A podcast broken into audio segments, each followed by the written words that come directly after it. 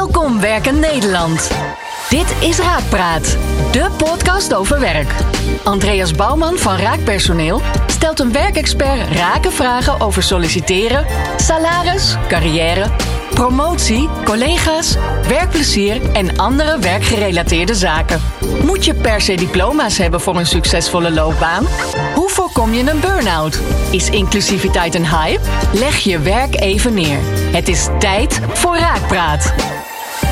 Hartelijk welkom vandaag. Mijn naam is Andreas Bouwman en vandaag heb ik mijn collega Rick te gast.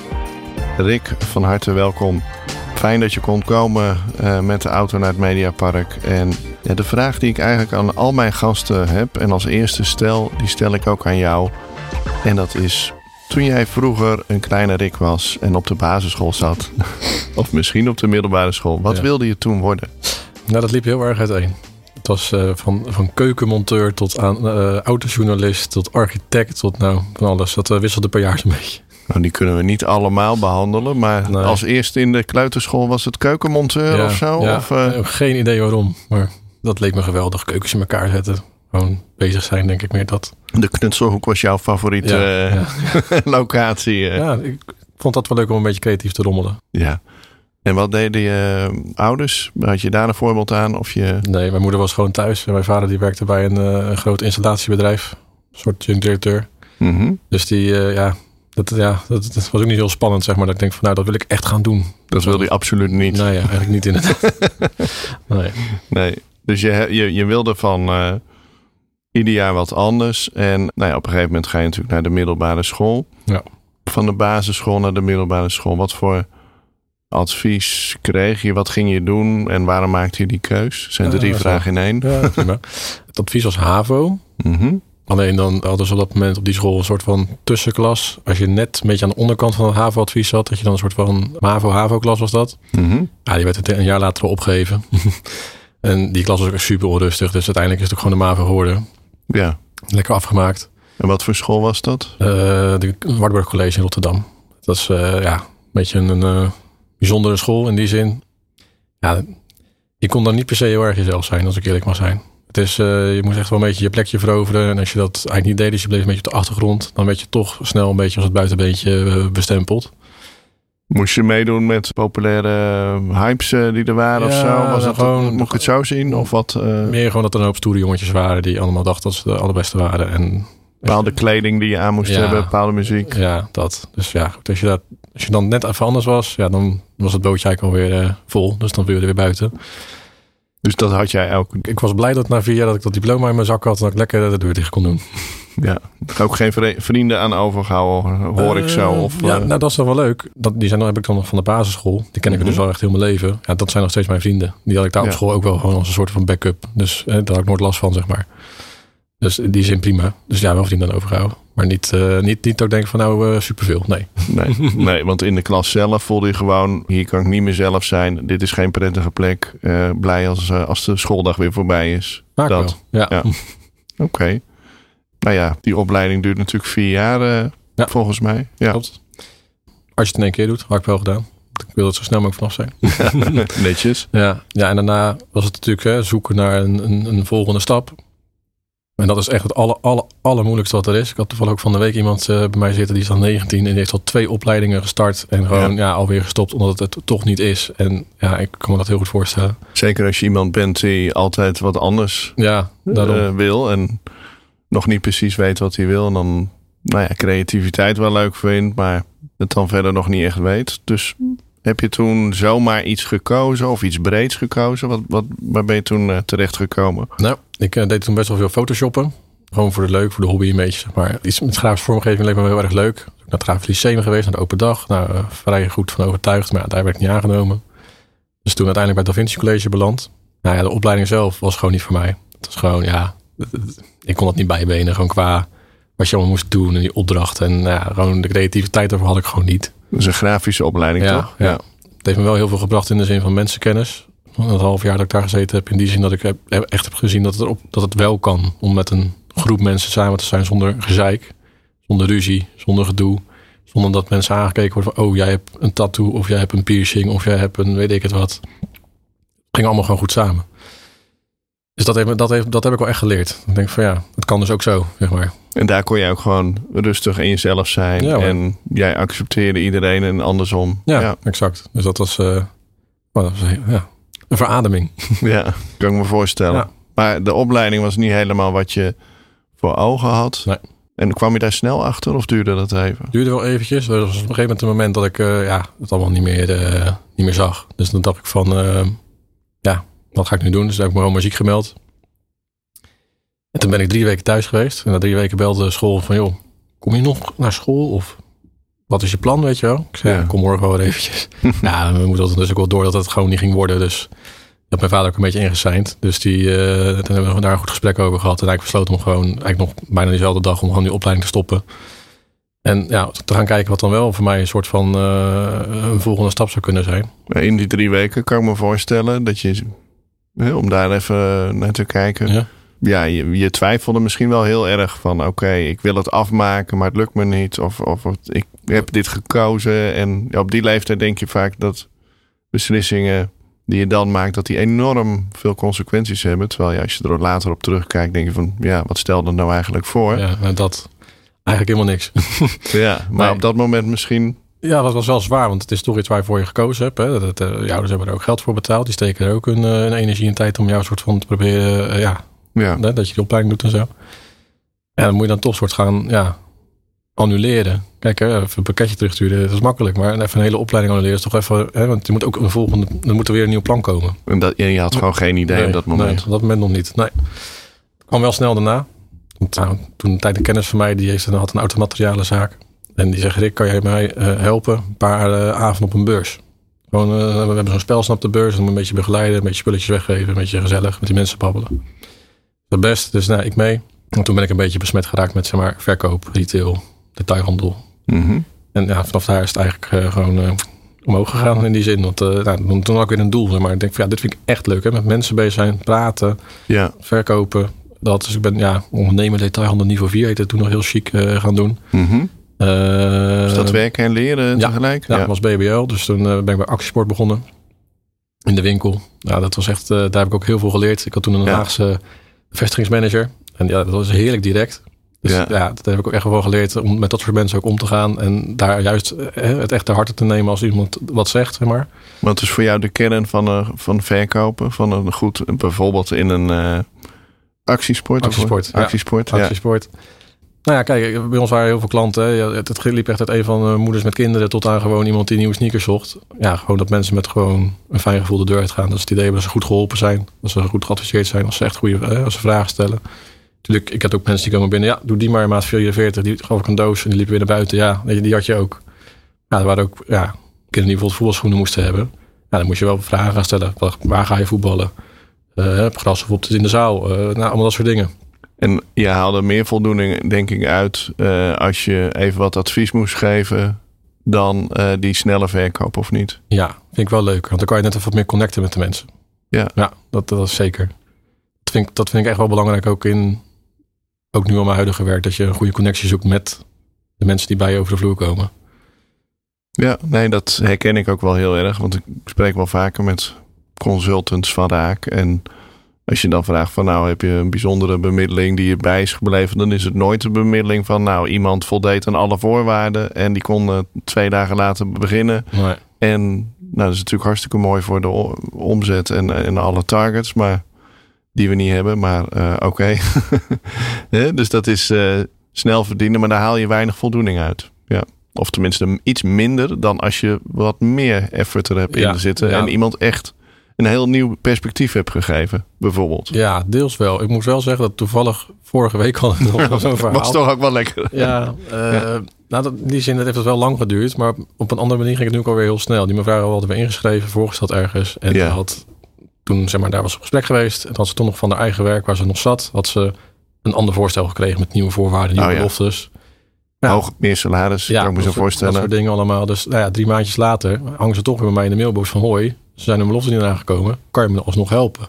Nou, heel toevallig was er dus ook echt een vacature die past, ook qua uren en dergelijke. Ja, Nou, binnen vier dagen was ze aan het werk. Dus ja, daar hou ik op zich wel voldoening uit. Ik denk van ja, toch gelukt uiteindelijk, zeg maar, in de long run. Mhm. Eh, maar toch ging het ook alweer heel snel. Want ik had het op donderdag had ik eh, iemand een mailtje zoveel. bel haar. Want perfect volgens mij. En dinsdag was ze aan het werk. Maar dan zie je dat zo'n verkoopproces, als we het even zo noemen, Ja, ja vind ik hem misschien eh, niet helemaal eh, de juiste formulering aan mijn kant. Maar dat dat dan al maanden van tevoren natuurlijk al in gang is Ja. gezet. Doordat je haar kent en gesproken hebt Zeker. en, enzovoort. dat is waar. Dat persoonlijke contact hè, met, eh, ja, met kandidaten in dit geval. Met Mhm. mensen die een baan zoeken. Hoe belangrijk vind je dat? En ja, denk je dat dat niet net zo goed online kan via Teams of Zoom of weet ik veel wat? Nee, ik, moet zeggen, ik ben ja, in de coronatijd begonnen bij Raak. Dus ik heb in die zin ook wel echt meegekregen dat we eh, digitaal intakes deden via WhatsApp of via Teams of dergelijke. En ik zet dat echt in als, als een kandidaat het echt zelf aangeeft. Van, joh, ik heb weinig tijd, kan het via Teams? Dan zeg ik ja. Maar als het niet hoeft, dan doe ik het liefst live. Het is gewoon echt anders als je iemand binnenkrijgt, die geeft hem een hand. Dat geeft ook wel vaak een beetje een bepaalde indruk bij mij. En je kan gewoon echt face-to-face zitten. Kijken hoe iemand beweegt. Kijken hoe iemand doet. eh, als hij echt bij je is. In plaats van op afstand. Want dat pas ook dat had een collega van mij, Lieselotte, die had ook iemand die zat letterlijk in bed. Ja, Tijdens het videogesprek. Ja, dat, dat- weet je, dat soort dingen komen dan ook voor. Maar Nee. dan krijg je wel een bepaalde indruk eh, Ja, nou mee. nou, Ja. dat. Dus eh, nee, in de coronatijd heb ik het zeker vaak gedaan. Daar ook gewoon mensen hè, die er toch wat banger voor waren. Die dan liever toch op afstand eh deden. Nou, prima. Hè, dat, dat kan allemaal. Daar hebben we gelukkig alle mogelijkheden voor. Ik heb ook leuke dingen meegemaakt. hoor. Er was ook een meneer die had een papegaai. Die trots een papegaai laten zien. Ja, weet je, dat Ja. vind ik ook wel weer leuk. Maar nee, fysiek is gewoon het beste. Dan krijg je gewoon het beste een indruk van iemand. Ze zien ook gelijk echt even de, de organisatie. We krijgen heel vaak het compliment als mensen binnenkomen. Zo, nou, mooi kantoor. Hè? En dan zien ze eh, het klantcontactcentrum zitten. En dan, eh, dan, dan geef je ook gelijk een beetje een soort van visitekaartje af aan mensen. Van hé, hey, dit is wel een serieuze organisatie. Het is niet zomaar eh, Jantje die een... Een eh, bemiddelingsbureautje. Ja, Ja. exact, om de hoek. Ja. Dus ja, dat, dat, ja, dat, ik vind ja, het is gewoon beter. Ik weet niet. Ja, Gewoon voor mijn gevoel. nou ja, ook voor de in marketingtermen, Ja. de branding en het Ja. imago. Ja. eh, eh, je als werkgever profileren. En eh, nou ja, hopelijk dat ze dan ook als ze bijvoorbeeld weer een nieuwe baan zoeken of een opleiding zoeken of werkgerelateerde vragen hebben, dat ze dan ook jou weer weten te vinden in dit geval. Zo ben ik ook weer bij, zo ben ik bij Raak gekomen. Omdat ik jullie weer ging bellen. Kun je dat eh, nog eens vertellen, hoe Ja. dat is gegaan? Ja, zeker. Ik, eh, nou, ik werkte ooit eh, in een grote organisatie. En die, ja, daar zat ik aan het plafond. Ja. En nou, toen ben ik met raakpersoneel contact gekomen. Toen werkte Luc er nog. En die heeft mij, nou ja, eh intake genomen. Gesprek gehad. Nou, een paar maandjes later was ik bij ergens geplaatst. Nou, en op een gegeven moment was ik ook daar weer twee jaar verder. Een beetje in slop geraakt allemaal. Beetje verveeld. In de zin dat er zat geen uitdaging meer in. Ik denk, nou, wie ga ik nou eens bellen? Nou, ik vond het wel leuk bij Raak eigenlijk. Hè, qua Ja. hoe dat ging toen. En Ja. goede service, goed geregeld. En toen zochten jullie zelf mensen. Ik denk, nou, gewoon, ja, het sloot heel erg aan. Want ik kon en commercieel bezig zijn, maar ook echt met mensen. En ja, tijdens de coronatijd miste ik wel heel erg dat fysieke contact met mensen. In de zin Ja. van eh, zakelijk. Ik zat alleen maar achter een telefoon. Heel af en toe wel eens naar een klant toe. En dat was het dan, zeg maar. Dus eh, ik zocht weer echt een soort van die connectie met de mensen. En ja, die vacature van consult was toen echt perfect. Dus daar heb ik op gereageerd. Ja, twee weken later was ik aangenomen. En stond er een zwaar eisenpakket in van, eh, nou, het zou mooi zijn als je ervaring hebt in recruitment of... Nee, juist eh, niet. Er stond juist bij van, joh, er zit eigenlijk helemaal niks bij. In die zin. Het was gewoon van, jou, hè, voel je hem, zeg maar, als het ware. Dat was een beetje de boodschap van, hè, Ja, zou je dit kunnen doen? Vind je dit leuk? Meld je dan aan, zeg maar, een beetje zo- zo'n strekking altijd. En dat trok mij ook heel erg aan. Ik dacht van, ja, het is echt open voor iedereen. Dus ik kan me ook gewoon aanmelden, ondanks dat ik echt 0,0 ervaring heb in de uitzendbranche. dus misschien stond er zelfs wel in van, nou ja, zelfs als je geen ervaring hebt eh, in de uitzendbranche of in de arbeidsbemiddeling of wat dan ook. Ja, volgens mij stond er wel zoiets in. Ja, nou, mooi. Nou, toen kwam je bij Raak en eh, ik heb een LinkedIn-post van jou gezien en daar heb je het over de waarde van Raak. Dat je die, eh, ja, dat je die erg bevallen, hè, de, de cultuur. Ja. Om met de eerste vraag te beginnen. Ja, waarom is bedrijfscultuur überhaupt, ja, waarom, waarom zou dat belangrijk zijn? Omdat een bedrijfscultuur, ehm, denk ik, heel erg bijdraagt aan ook het, zeg maar, de productiviteit van mensen. Als jij in een omgeving zit, eh, bijvoorbeeld, eh, ja, ik heb in de gekste plekken gewerkt. Joh. Dan zat ik gewoon in een hokje, zonder ramen, achter een computertje. Het was eigenlijk altijd donker, ondanks dat Ja. buiten bewijs van 30 graden was en de zon scheen. En daar word je niet heel blij van, zeg maar. Ja, dus de omgeving is heel belangrijk, maar ook ja, de mensen om je heen. Ik, ik merk wel dat bij Raak mensen echt wel aangenomen worden op een bepaalde hè, gevoel. Mhm. Dat gevoel is ook niet altijd juist. Dus dan zie je ook wel dat mensen dan ook weer snel misschien ook weer weggaan. Maar dan passen ze ook gewoon niet in het cultuur. En dat, dat is dan ook gewoon een dingetje. Ja, dat kan. Hè? Ja. En wat vind jij kenmerkend voor de raakcultuur? Om het De te- vrijheid. Ja. En ook wel, zeg maar, echt wel, ja, in ieder geval dat ervaar ik en oplossen dan, heel erg gewoon echt een samenwerking. En als je een vraag hebt of zo, elke collega wil je helpen. En Ja. ook als ik naar buiten bel, natuurlijk wil iedereen, me- eh, iedereen helpen elkaar. Maar de- het is gewoon, ik weet het niet. Het is bij Raak gewoon echt een familie. Zo voelt het voor mij in ieder geval. Ja. En Alblasserdam. Ja. Ik heb ook wel eens gezien dat het kerstkaartje bijvoorbeeld handgeschreven van Mark, Ja. dat je dat ook wel op jouw waardering eh ja, nou kan absoluut. rekenen. Ja. Absoluut. Ik, eh, ik vind het heel bizar. Ik vroeg nog aan Mark laatste kerstfeest, wat nou als er 200 mensen werken? Hè? Want we willen uiteindelijk naar 30 vestigingen. Hij zei, ja, ik dan begin ik in oktober met schrijven. Het is wat het is. Ja. En dat vind ik wel mooi. En nou ja, bijvoorbeeld ook het laatste raakfeest. Heel wat eh, nieuwe mensen hebben nog nooit een kerstkaartje van Mark gehad natuurlijk. We hebben het laatste jaar best wat mensen ook aangenomen. Dus die zei ook van, is dat echt een ding? Ik ja, dat is echt een ding. Die moet je echt gaan lezen. Want dat is echt mooi. Ik zeg, dat is helemaal persoonlijk voor jou geschreven. Dat moet je echt waarderen. En ik zag op het, op het, eh, op het raak kerstfeest hadden we natuurlijk heel die muur met het kerstpakketten. de Mhm. kaarten erin. En dan zag ik mensen hem echt al gaan pakken, gaan lezen. Ik heb mensen in, in tranen gezien. Omdat ze het gewoon zo Ja. bijzonder vonden, zeg maar. Dat, dat Mark gewoon twee kantjes A5 vol schrijft. ja, want dat is iets wat denk ik mensen niet realiseren die nu luisteren en, en Raak niet kennen en niet zo'n kerstkaart van hem hebben gekregen. Is dat hij er inderdaad twee kantjes probeert vol te schrijven. Ja, ja. Vol met persoonlijke dingen die over jou gaan en over je relatie met, nou ja, met Raak, met hem, eh, Ja. wat dan ook. Een Ja. heel persoonlijk kaartje. Absoluut. Maar echt, ja, je, je leest eraan af dat er tijd in is gestoken. Ja, Ja. Nou absoluut. En eh, ja, zoals ik altijd zeg, er staat niet even een krabbertje in. Nee, Dat het echt- is niet even... echt goed. Ja. precies. En ik denk ook wel dat dat ook zeker bijdraagt aan de cultuur. Want als je... eh, mensen zoeken toch altijd een stukje waardering in hun werk. Ja, Of dat nou is vanuit een klant of vanuit de directie of de baas. Dat is gewoon heel belangrijk. En ik denk ook wel dat dat ook echt bijdraagt aan dat mensen willen werken voor Raak of voor Mark. Omdat hij dat doet. Dat denk ik echt. ja dat, is, dat is zeg maar intern, hè, dat Ja. die eh waardegedrevenheid heel belangrijk is. Ja. Denk je ook dat het waardevol is voor bijvoorbeeld ofwel raakkrachten, hè, mensen die voor ons werken, ofwel klanten? Dat denk ik wel. Ik moet zeggen, als ik bij klanten zit, probeer ik ook echt wel echt onze kernwaarden te benadrukken. Dat het echt wel heel duidelijk is waar we voor staan. Het door gewoon inderdaad eerlijk het verhaal te vertellen. Ook aan te geven dat we altijd wel een beetje out of the box denken met het zoeken. En dat we dichtbij zitten, omdat we dus echt dichtbij zitten bij de mensen, maar ook bij de bedrijven. En, en ook dichtbij in de zin dat de mensen echt allemaal stuk voor stuk op kantoor uitnodigen. Geen cv's over de schutting, zeg maar. Hè? Dat, die term gebruik ik altijd. En dan zien mensen echt wel zo van oké, En van wie heb je dat eigenlijk zo eh, geleerd? Ja, natuurlijk, het staat ergens. Heb je dat eh, meegekregen doordat je met hè, Joram, je leidinggevende, bent meegeweest? Of heb je dat zelf zo in de afgelopen anderhalf jaar? Hoe, ja, ja, waarom is dat zo belangrijk? En Mark die geeft eh, tijdens de onboarding ook een training. Dan Mhm. legt hij eigenlijk een beetje uit hoe raak ontstaan is. En wat eh, vanuit welk gevoel en welke gedachte hij het raak begonnen is. Nou, dat geeft voor mij ook wel een hoop ja, info en ook echt een gevoel bij het bedrijf. Hè. Dat, je, dat je denkt van, hé, dat, daar kan ik ook achter staan, zeg maar. Ja.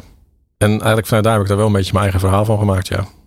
Ja, dat lijkt me ook Ja, logisch ja, natuurlijk. Want ja. jij bent uiteindelijk dan weer de contactpersoon voor, voor jouw gesprekspartner. Dus ja, natuurlijk eh, eh, heb ik ook bij Jorin meegeluisterd hoe die dat een beetje erin fietst. Nu Edward, hè, die, ons nieuwe accountmanager, die eh, doet het ook al heel goed. Die, heeft ook al, ja, die staat er ook echt al voor, zeg maar. Dat is wel leuk om te zien. Die is er nog maar sinds november en die heeft, ja, die, stroomt al een hoop raakbloed door, zeg maar. Ja, Ja, ik denk ook wel dat het heel belangrijk is om ons op die manier echt goed te presenteren. Want dat is echt waarmee we het onderscheid maken. Dat weet ik 100% zeker. Ja. Nou ja, het is misschien wel eh, hè, ook het verschil wat je had op eh, die eerste middelbare school en eh, die opleiding daarna. Dat verschil Ja. van jezelf kunnen zijn. Ja. Dat is een belangrijk onderdeel van, eh, van Raak. Want ja, er zitten allerlei verschillende mensen volgens mij. Jij bent weer heel anders dan Edward. En Edward is weer heel anders dan Joram. Ja, Eh, ja, absoluut. Maar ze voelen zich allemaal eh, thuis. En dat vind ik ook altijd heel bijzonder. zeker. In die tijd dat je nu bij Raak werkt, eh, welke matches, ja, welke bemiddelingen, of misschien wel wel klantcontacten zijn jou nou bijgebleven? Wat zijn nou bijzondere anekdotes? Sowieso mijn eerste plaatsing. Ik heb natuurlijk echt, ik kom binnen bij Raak. eh goede club, gezellig. Het eh, eer- leuke eerste dag gehad. Kreeg ik van Jorim zo'n mooi inwerkmapje. Helemaal mooi. Gingen we doorlopen. Ging natuurlijk veel sneller allemaal dan dat het moest. En dat ik na een week had ik al iemand eigenlijk soort van geplaatst. Ja. Het was een ICT'er. Nou, zoek maar eens een ICT'er. dat was ook nog eens bij een nieuwe klant.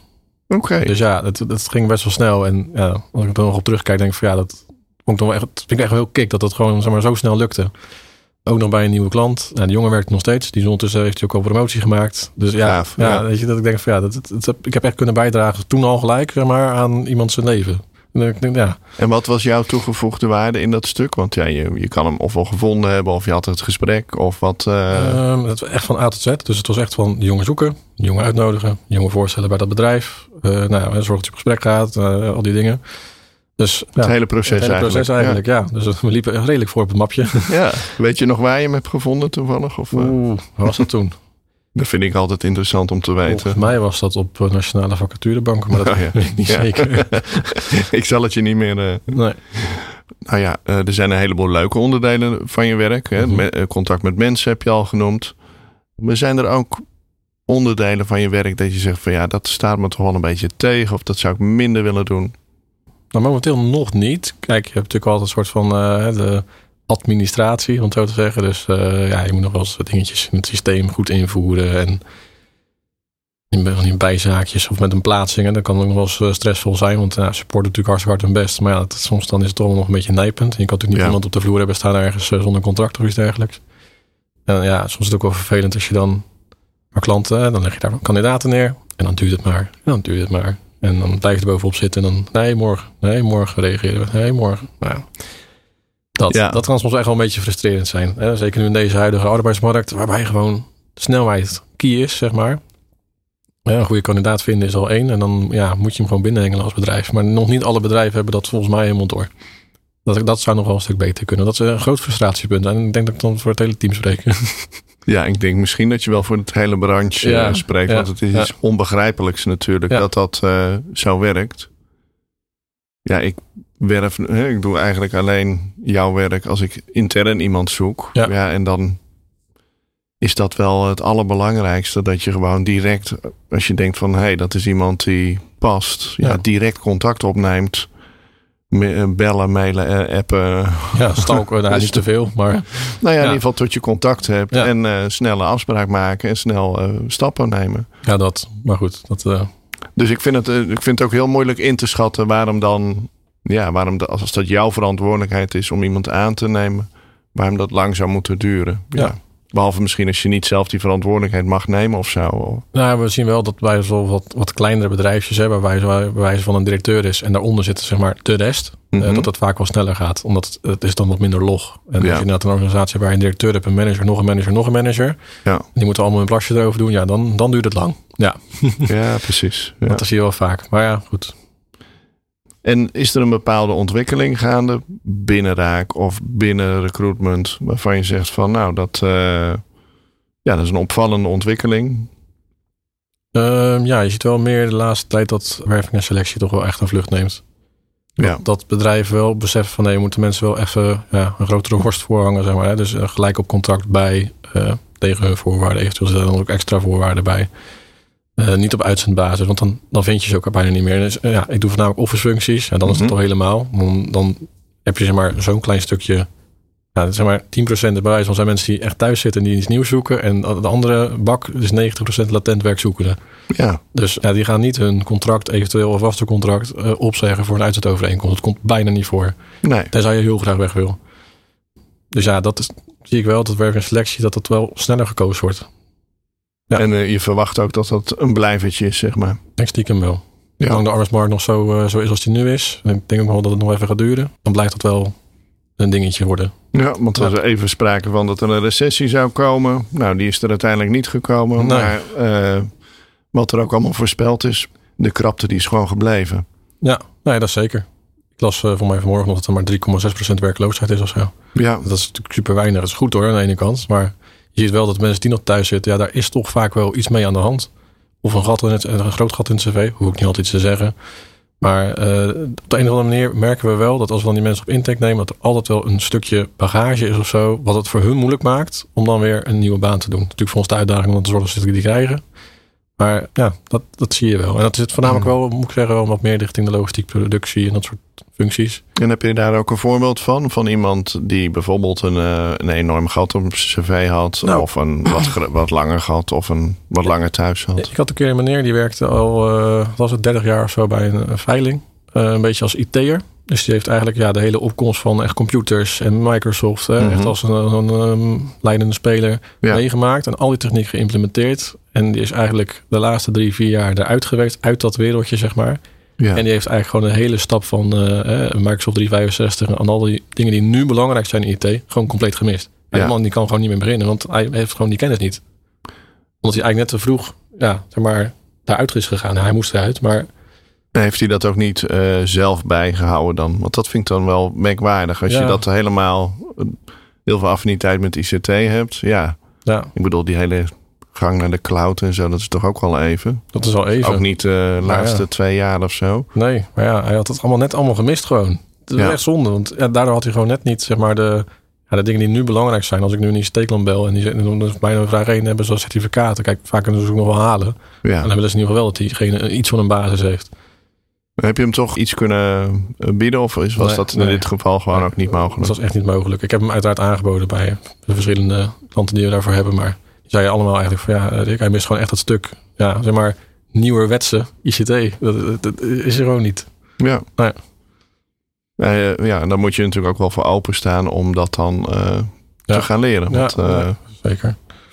Wat mij altijd opvalt, eh, is dat recruiters over het algemeen zijn hè, 40 minners. Hè. Het zijn 20ers, 30ers, Ja, ja, ja. grote. En mijn eerste vraag daarover is, als consultants, hè, wat wij eh, rec- recruiters, intercedenten, ja, noemen wij consultantsbereik. En daar hebben we er inmiddels verschillende vormen van. Dus meer Ja. account managers en meer eh, nou ja, recruitment specialisten, van, van alles en nog wat. Maar als je gewoon consultant bent, dan ja, dat, dat doe je een bepaalde tijd. En op een gegeven moment, ja, dan ga je of leiding geven, of je verlaat het vak. Dat gebeurt ook vaak. Zijn er wel voldoende doorgroeimogelijkheden voor consultants? Ik denk op zich wel. Ik bedoel, je kan natuurlijk nog nog door naar senior. En dat je Mhm. eh, iets meer verantwoordelijkheid krijgt. En als je wil, kan je ook eigenlijk naar vestigingsmanager en nou ja, enzo, enzovoort, zeg maar. Spoeling wordt natuurlijk wel steeds dunner, want er zijn meer vestigingsmanagers dan regio-managers enzovoort. Hè. En districtmanagers zijn er nog minder van. Maar eh, ook met de, de, de komende groei nog van Raak verwacht ik wel dat er genoeg doorgroeimogelijkheden zijn voor iedereen. Ja. Ja. En eh, sommige mensen willen misschien ook dat helemaal niet. En die zitten gewoon lekker, eh, lekker, te, lekker te werven. En die vinden het eigenlijk wel best. Als ik naar mezelf kijk, ik zie mezelf echt nog niet als een vestigingsmanager. Lang Nee. niet, zeg maar. Is dat wel iets wat je op termijn eh ambieert? Of zou je meer in de breedte willen groeien als dat mogelijk is? Ja, of weet je het nog niet? Dat kan natuurlijk ook. Nee, meer in de breedte. Ja. Ja, absoluut. Want eh, ik vind het, zeg maar, ik, ik zie dat bij Jorim. Hè, die is vestigingsmanager, die is met 80.000 dingen tegelijk bezig. Maar dat is allemaal een soort van eh, operationeel. Hè, echt, Ja. zeg maar, het vak van gewoon werven, kandidaat vinden, dat gesprek aangaan. Uh, zorgen dat het bij die klant allemaal terechtkomt. Ja, dat, dat doet hij bijna niet meer. Dat is echt maar Nee. een heel klein deel van wat hij doet. Ehm, dus ja, daar moet je wel zin in hebben, zeg maar. Dat moet je wel echt leuk vinden om dan eh, het operationele eigenlijk zeg maar, op te pakken. En dat zie ik mezelf nog niet zo snel doen. Nee. nee. Nee, en sommigen die groeien ook wat meer naar, eh, naar specialisten toe. Hè? Dus dat Ja. je wat meer eh, specialisatie hebt, zoals het in, eh, zoals jouw naamgenoot eh, Rick eh, Ja. Ja. In, eh, in Tilburg. Ja. En denk je niet dat jongere recruiters het lastig vinden om oudere kandidaten te bemiddelen? Want dat hoor ik ook, lees ik ook nog wel eens om, eh, op LinkedIn bijvoorbeeld. Ja. En dan eh, krijg je daar, eh, ja, al die recruiters zijn zo jong. En ik ben zo oud. Nou ja, dat laatste zeggen ze dan niet. Maar Nee. er is, speelt zelfs in deze krappe markt toch voor 50-plussers. Zeker als ze er even uit zijn geweest. Ja, blijft dat toch altijd lastig. Denk je dat daar een eh generatiekloof dat die een rol speelt? Of Kan. Ja. Ik ervaar het zelf niet per se zo. Ik moet zeggen, ja, ik kan met iedereen praten. Van Ja. tot oud, het maakt allemaal niet zo heel veel uit. Ik heb ook nooit het idee gehad dat een wat ouder iemand bij mij zeg maar, zich niet op zijn gemak voelde of niet begrepen voelde. Ja, In die zin. Maar ja, ik kan me wel voorstellen dat misschien voor zulke mensen, eh, wat oudere mensen, dat het wel lastig kan zijn. Want dan, eh, ja, dan word je toch door zo'n jong, zeg maar, ja, het klinkt even heel stom misschien, maar door zo'n jong broekje word je dan Ja. aan het werk gezet. Zeg maar, even eh, heel koud. Ik kan misschien voorstellen dat daar dan een beetje gêne slash bezwaar in zit. Maar ik weet niet. Ik, nee, ik heb het zelf nooit ervaren zo. Eh, eh, ja, nou ja, ik, ik hoor ook heel veel van mensen die eh, gewoon... mensen van 50, 55, 60-plussers eh, eh, een mooie baan... aan een mooie baan helpen. Dus dat, eh, dat zie ik ook gewoon bij Raak gebeuren. Ja. En ik denk ook dat de waarden jezelf kunnen zijn Dus de ander ook niet als het label 50-plusser zien, maar gewoon als de mens wie die is. Ja, dat hij ook daarin helpt om een goede bemiddeling te geven. Absoluut, ja. ja. Voor jezelf bij Raak, zijn er dingen die je graag wil leren, die je graag wil ontwikkelen? Nou, sinds dat ik bij Raak werk, heb ik een beetje LinkedIn naar me toe getrokken. Mm -hmm. Ik merk ook wel dat daar voor mij een soort van de meeste kansen liggen, hè, qua ook mensen vinden. Ja. Uh, dus daar, ja, daar ben ik ook mee bezig om me daar verder in te verdiepen en hoe ik dat kan aanpakken. Dus je gaat nog veel meer posten. Want, uh, dat, dat, wil ik wel weer gaan doen. Ja, dat is een beetje het slot. De consistentie. Uh... Ja, die is een beetje gedaald. Ja. Maar uh, nee, dat wil ik wel weer gaan doen. Ja.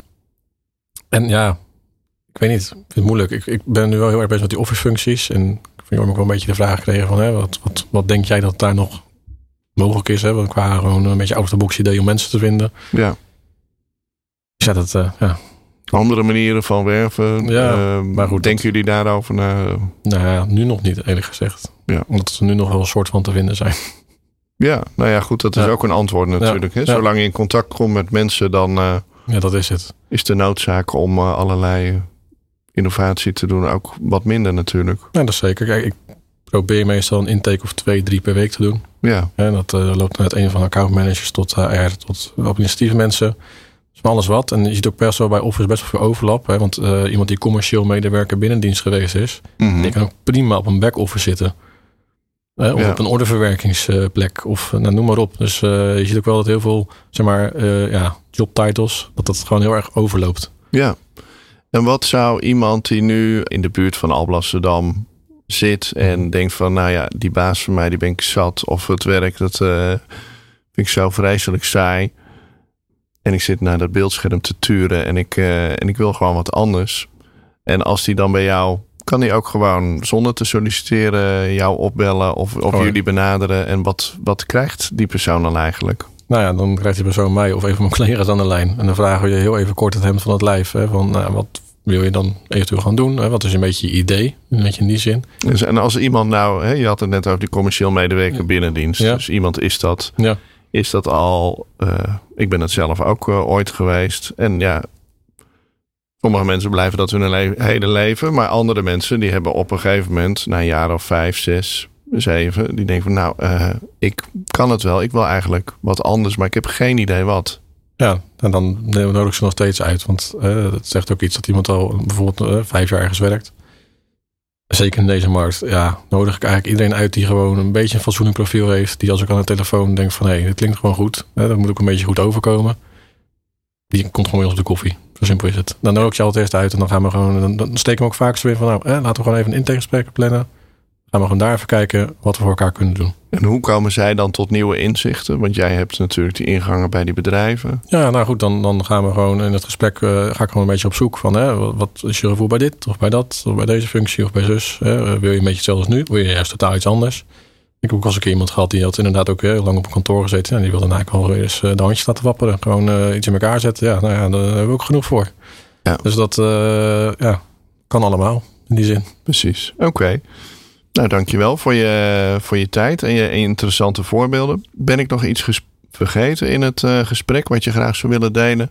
Volgens mij zijn we er redelijk goed doorheen. Ja, Ja. volgens mij ook. Ik Ja. heb in ieder geval de vraag gesteld. Dus eh, ik dank je hartelijk voor deze, voor deze podcast en je tijd, eh, Rick. Ja, bedankt voor het leuke gesprek. Bedankt voor het luisteren naar Raakpraat. Binnenkort weer een nieuwe aflevering met Andreas Bouwman en een verse werkexpert. Meepraten? Check de show notes en abonneer je op onze podcast. Werk ze!